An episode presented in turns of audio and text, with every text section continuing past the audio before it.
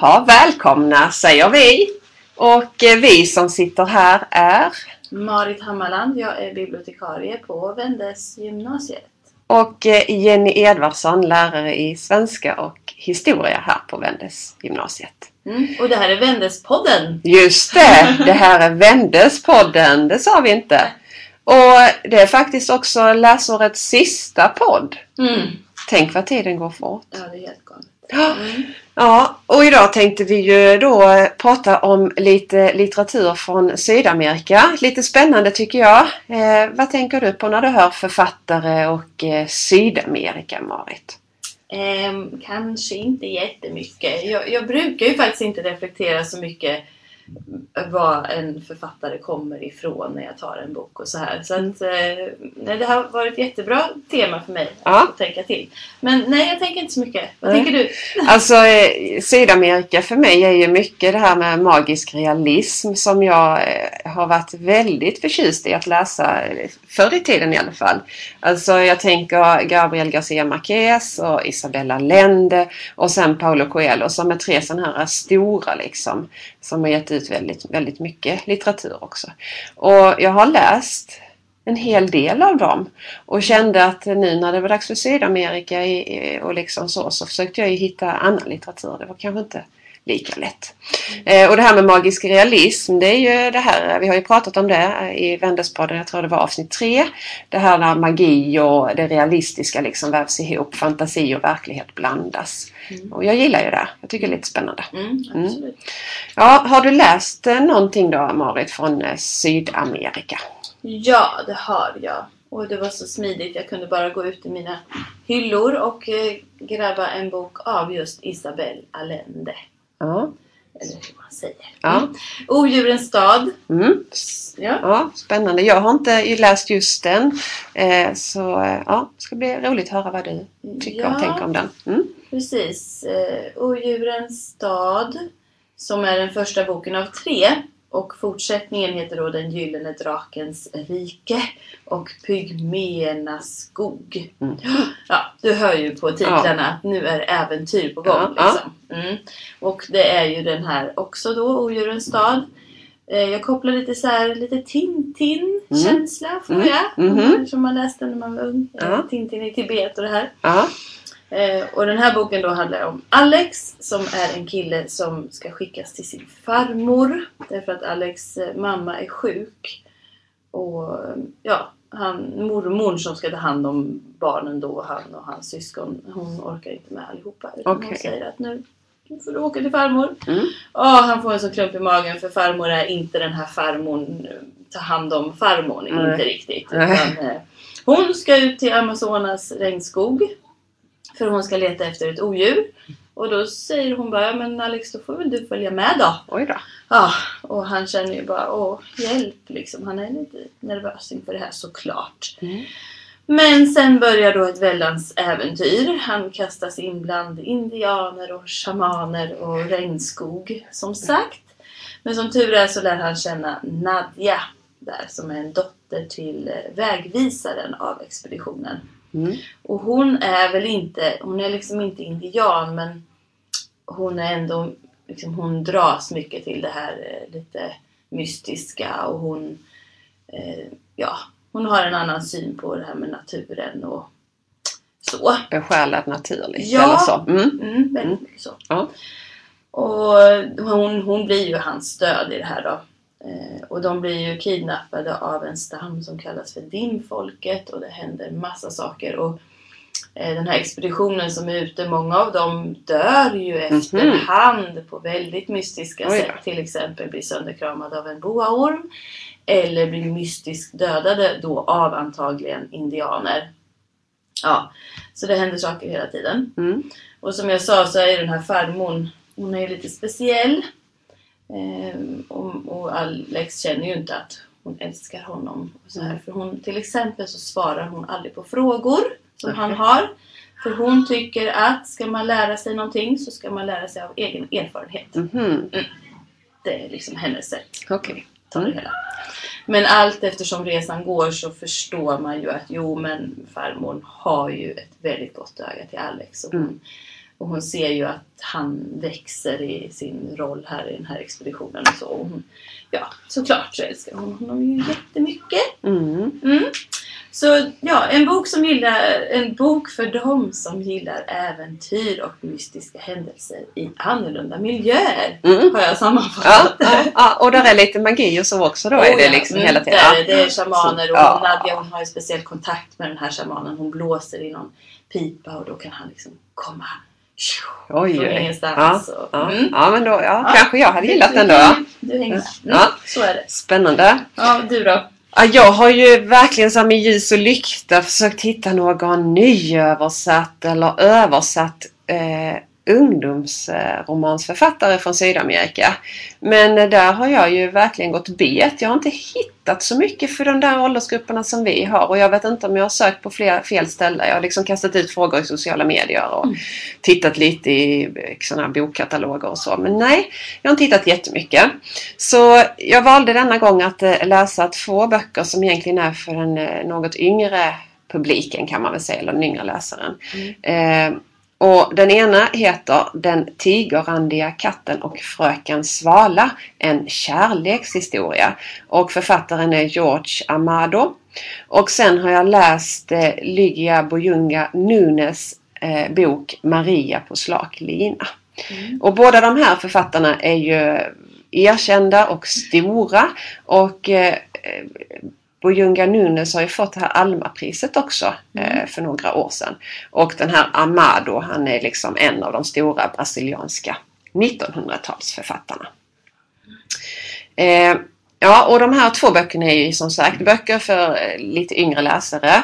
Den här eh, Den tigerrandiga katten och Fröken Svala, det är egentligen en gåva kan man väl säga. För Amado hade en son, fick ett barn, en, en son. Och valde att skriva en liksom, berättelse som eh, födelsedagspresent. Mhm. Och den här berättelsen hittades sen då lite senare. Eh, och eh, trycktes upp och så gjordes det illustrationer till. Och sen har det då blivit en bok som har getts ut. Ja, Ja. fint. Ja, Mm. och eh, det som är lite roligt med den boken det är att det är som en eh, gammeldags fabel kan man väl säga. Alltså djur som tar mänsklig skepnad och sen ja, är det på något sätt någon liten eh, eh, vad säger, budskap eller ja, Mm. viktig tanke i slutet. Okej. Och väldigt lättläst, det är inte så jättemånga sidor. Eh, så det var den ena boken. Det är som en barnbok helt enkelt. Ja, fast det är ju inte så mycket. Alltså jag tänker egentligen att man skulle kunna läsa den för sina barn. Mm. Sen är jag inte säker på att de förstår kanske hela liksom, budskapet eller så. Men de kan nog läsa den och tycka lite roligt med, med de här djuren. Mm. Och man kan säkert läsa den eh, i skolan med eh, ja, mellanstadiet, högstadiet kanske. Mm. Eh, och man skulle kunna läsa den på gymnasiet utifrån liksom, eh, fabel Mm. eh, temat Mm. eller så. Mm. Mm. Mm. Så att den går liksom att läsa men det är inte den här rena ungdomsromanen Nej, det eller så. Nej. det du ute efter. Nej. Eh, och sen så har jag ju då läst den här eh, Maria på slak lina och den knyter definitivt an till den här eh, traditionen av magisk realism. Mm. För här vävs liksom fantasi och verklighet verkligen ihop. Eh, och i den här boken så är det ju då en, en eh, flicka som blir föräldralös och eh, tvingas flytta till sin mormor som inte heller är världens bästa mormor kan man väl säga. Mm. Och eh, flickan drömmer tror man, kan ju vara verklighet också, att hon går på lina. Hon, hennes föräldrar har varit cirkuskonstnärer då. Mhm. Men hon, på något sätt är det så här fantasi och verklighet. Men hon går på lina och jag tror det är i drömmarnas värld. Och när hon kommer ut på den här linan så kommer hon in i ett annat hus och där öppnas olika dörrar. Och innanför de här dörrarna är olika världar. Ja, så det är liksom, ja, det är lite på något sätt att bearbeta det man har varit med om. Okej. Lite så här mystisk är den. Men jag tänker att det finns rätt så mycket att diskutera och just berätta tekniskt hur man gör. Och Mm. Hur vet man om det är dröm eller verklighet och så. Mm. Mm. Eh, men det här magiska, det här magisk realism finns ju verkligen med som en röd tråd. Och eh, när jag har läst lite sen om andra författare så känns det som att de flesta på något sätt förhåller sig till den traditionen Mm. av de här sydamerikanska författarna. Mm. Antingen att man själv liksom anammar det eller att man tar avstånd från det på Ja, okej. liksom, Mm. Mm. olika sätt. Mm. Ja.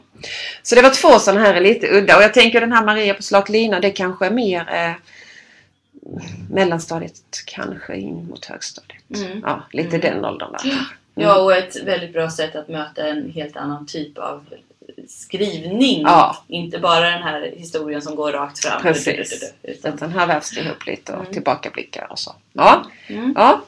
Så de har jag läst. Har du läst något annat då från Sydamerika? Ja, ehm, också i mitt bibliotek så Mm. hittade jag eh, Kristina Lindströms Flickornas historia, Mm. Världen. Mm. För hon, eh, Kristina Lindström, har även gett ut eh, böcker tidigare som eh, handlar om, den heter eh, Flickornas historia om svenska flickor från stenåldern. Mhm. Flickornas historia Europa Mhm.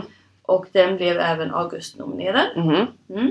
Så det är kvinno flickoporträtt från hela världen och olika tider. Är det, är det påhittade eh, liksom, Mm. eller är det att man har plockat upp gamla sagor, gamla folksagor och, och Mm. skrivit dem? Eller hur? Så, som jag har uppfattat det så är det hon då Kristina Lindström som har gjort nyskrivna berättelser. Okej, så att det är inte det här att man har plockat upp någon gammal tradition? Utan Nej, nej, det är Nej. inga, inga folksagor Nej, så. Utan nej. hon, eh, hon är ju journalist och författare Mm. och filmare. Mm. Då. Eh, Mm. hon gjorde bland annat dokumentären om, om Astrid Lindgren. Okej. Mm. Mm. som gick här. Och vad jag känner det som så har hon liksom studerat ett land, eh, tittat hur hade flickan det Ja. på den, och så länge tillbaka i Ja. tiden då liksom.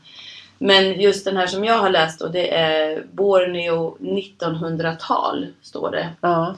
eh, uppe i texten här. Och ja, 1900-tal det kan ju vara lång tid eftersom är 2016 nu. Och jag kan inte riktigt tidsbestämma liksom när det här utspelar sig. Nej. Men det är i alla fall då en, en kort historia. Alla historier är väldigt korta. Eh, Och det här handlar då om en flicka som heter Usun. Mm. Och Usuns folk då, som hon tillhör, är penaner. Mm. Mm. Och det är djungelns folk. Mhm. Och det är så att penaner är ett samlarfolk som bor i centrala Borneo. Och det är bara ett par hundra personer som fortfarande lever som den här flickan. Alltså de är, de är nomader och samlare. Mm. Verkligen. Nomad och alltså kringresande och Ja. samlare. De Mm. reser runt, Mm. tar maten slut, ja men då tar Ja. vi vårt läger och så sticker vi hit istället. Mm. Och det är ne.se som har förklarat det här för mig. Det är ingenting som Kristina Lindström Nej. går in i detalj så. Liksom, utan hon vill ju bara beskriva hur den här usen har det då. Mm. Och man kastas ganska rätt in i historien för Usun och hennes stam har jag Mm. valt att kalla det. Jag Mm. tror att det heter så. Mm. Är på väg mot en ny boplats då.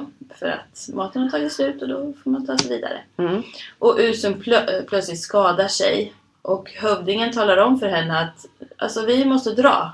Du, du får stanna här själv och vila upp dig. Mhm. För vi, vi, har, vi, vi måste komma fram, sätta upp tältet innan det blir för mörkt. Okej. Det, det är liksom krasst så. Mm. Och hon har inte heller någon som kan stanna kvar hos henne. Mm.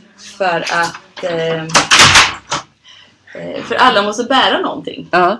Och allting som ska bäras måste komma fram till lägret. Ja. Ja, Mm. så funkar det liksom. Ja. Så hon kryper upp där i ett eh, träd och Mhm. liksom bara tänker att ja, jag får vila mig och så. Hövdingen säger i och för sig så här, ja, vi kommer sätta upp vårt märke på Ja. träden. Så att hon kan du- följa det. Ja. Precis. Mm. Så helt lämnar hon utan Men följ, ändå. följ märkena så, Ja. så hittar du oss ungefär.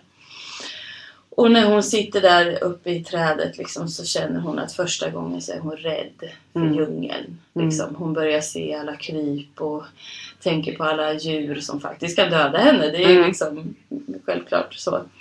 Och det beskrivs eh, ja, på ett fint sätt hur hon liksom saknar sin familj och tillhörigheten där i den där stammen. Då. Mm.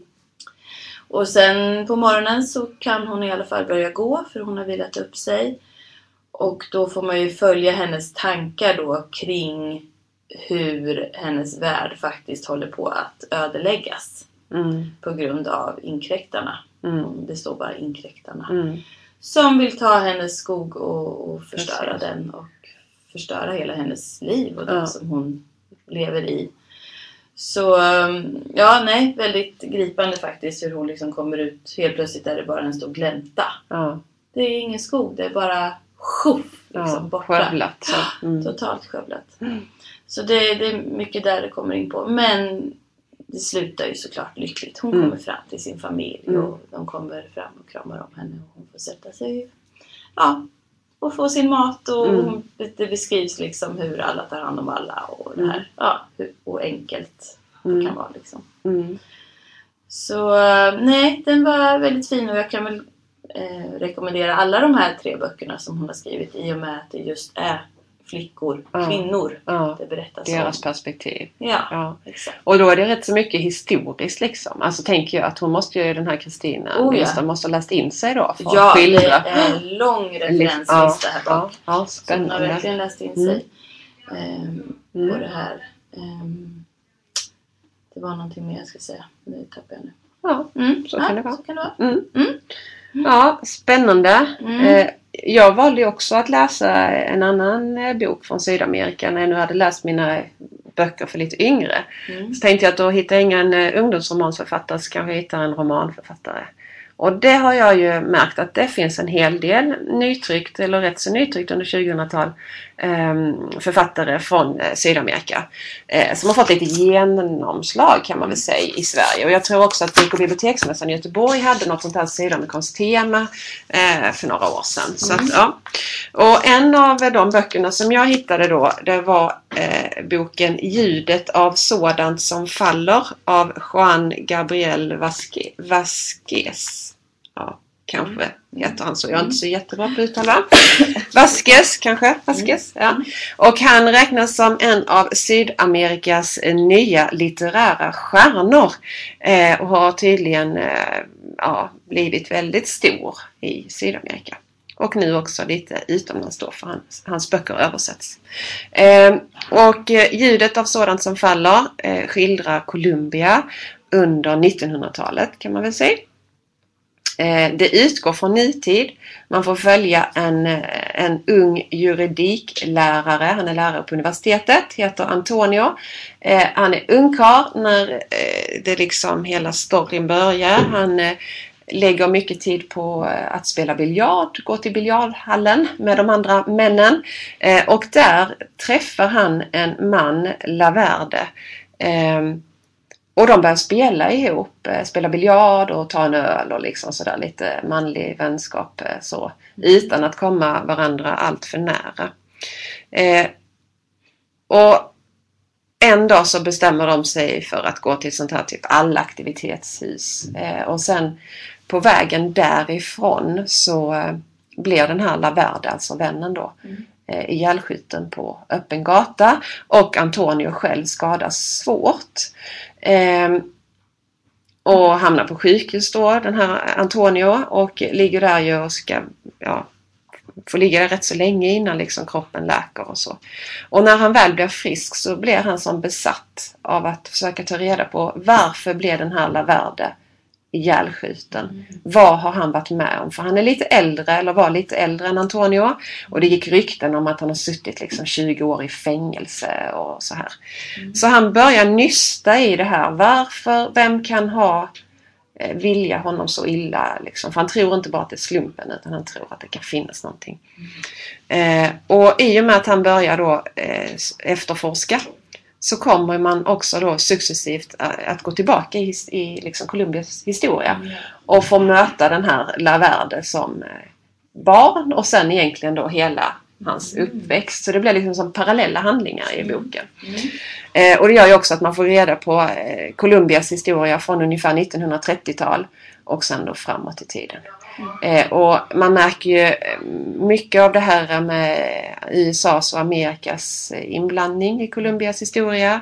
Eh, knarkodlingar och eh, de här eh, flygen som i hemlighet flög och eh, över med stora då, narkotikalass. ju. Ja.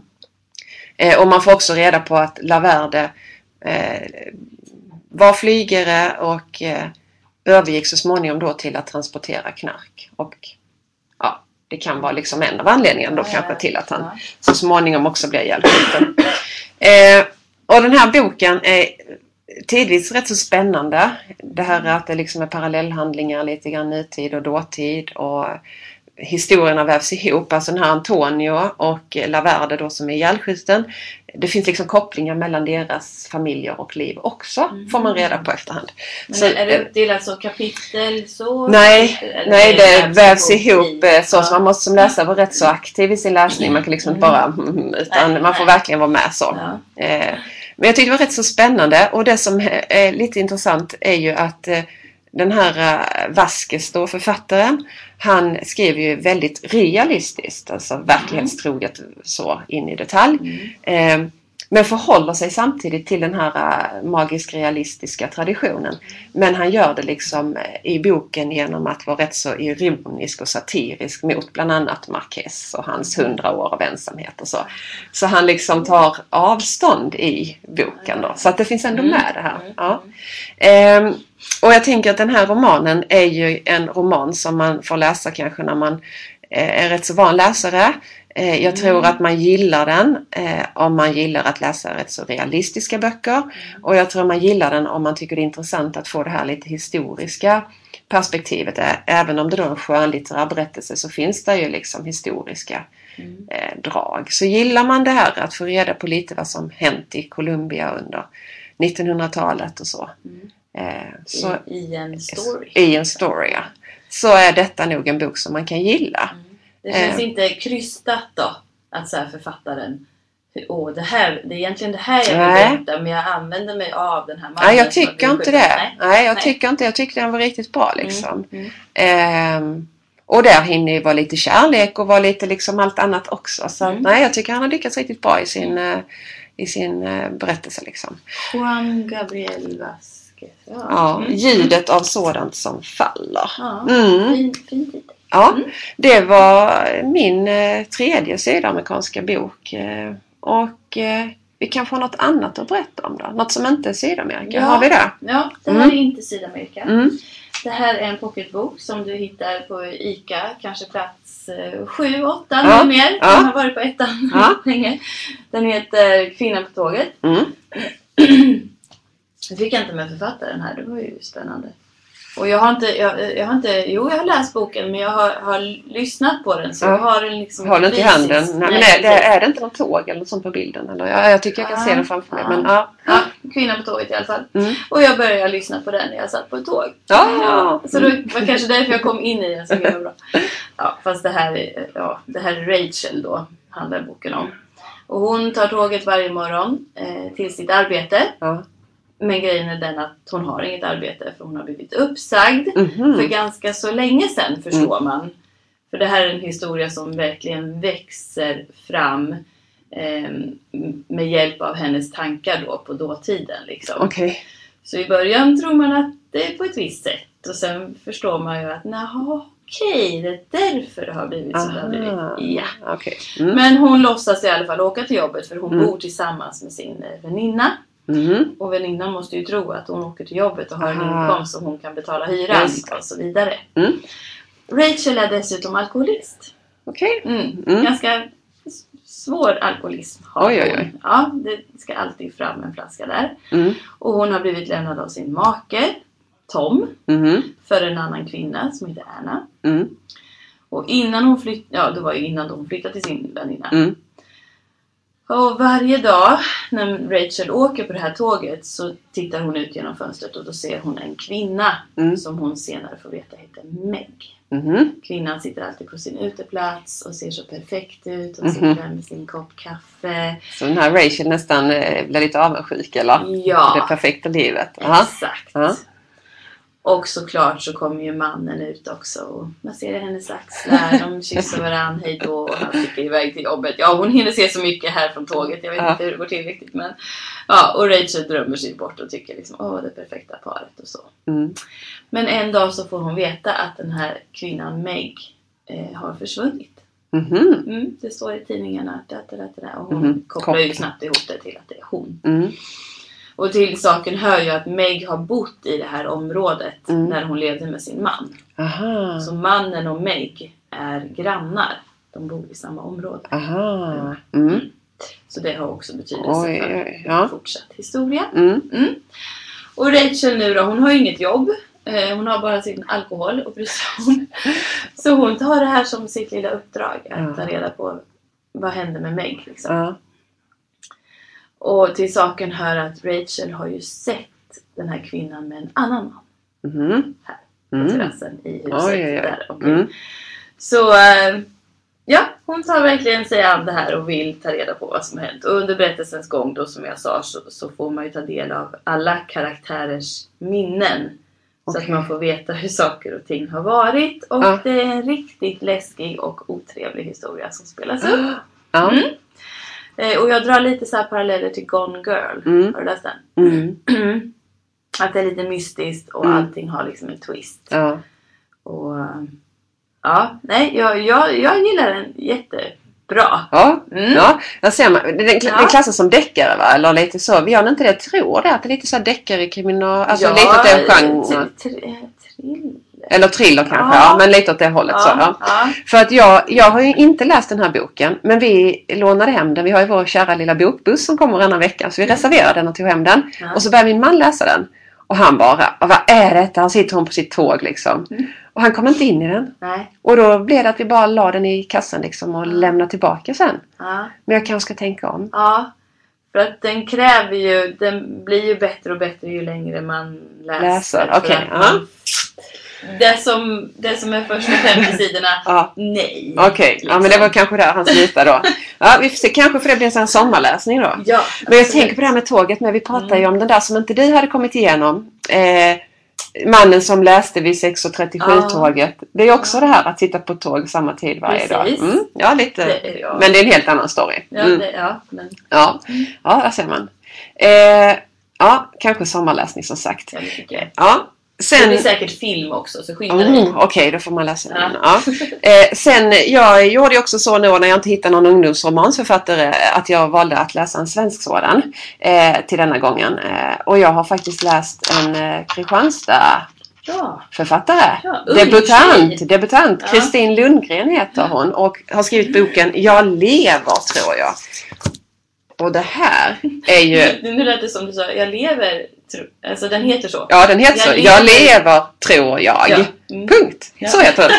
Eh, eh, den är utgiven av Rabén och Sjögren och eh, som sagt det är en debutroman. Kristin Lundgrens debut och hon har väl gått en sån här författarskola tror jag. Mm. Och jobbat med den där och sen fått den då publicerad. Det här är en roman som jag gillar och jag tänker att det är nog många ungdomar också som gillar den. Den handlar ju, alltså eh, själva boken i sig är rätt så sorglig för den handlar om Kim, en tjej som går på gymnasiet och hon mister sin allra bästa kompis. Kompisen eh, krockar med ett träd och eh, ja, kör, krockar med ett träd och dör direkt. Mm. Och det händer liksom från en dag till en annan. Mm. Så för Kim blir det ju en chock. Ena dagen har hon kompisen och sen nästa dag så finns hon inte längre. Mm. Eh, och den här boken börjar egentligen den dagen då kompisen kör ihjäl sig. Och sen får man följa Kim under ungefär 200 dagar. Eh, något sånt. Mm. Eh,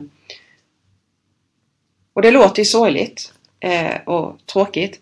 Men boken är ju skriven, speciellt första tredjedelen, den är liksom så här lite rapp och rolig. Och den här Kim som sörjer och mår jättedåligt. Hon är samtidigt så ironisk och vass i sina kommentarer så att jag kom ju på mig själv att sitta så liksom och småfnittra bara.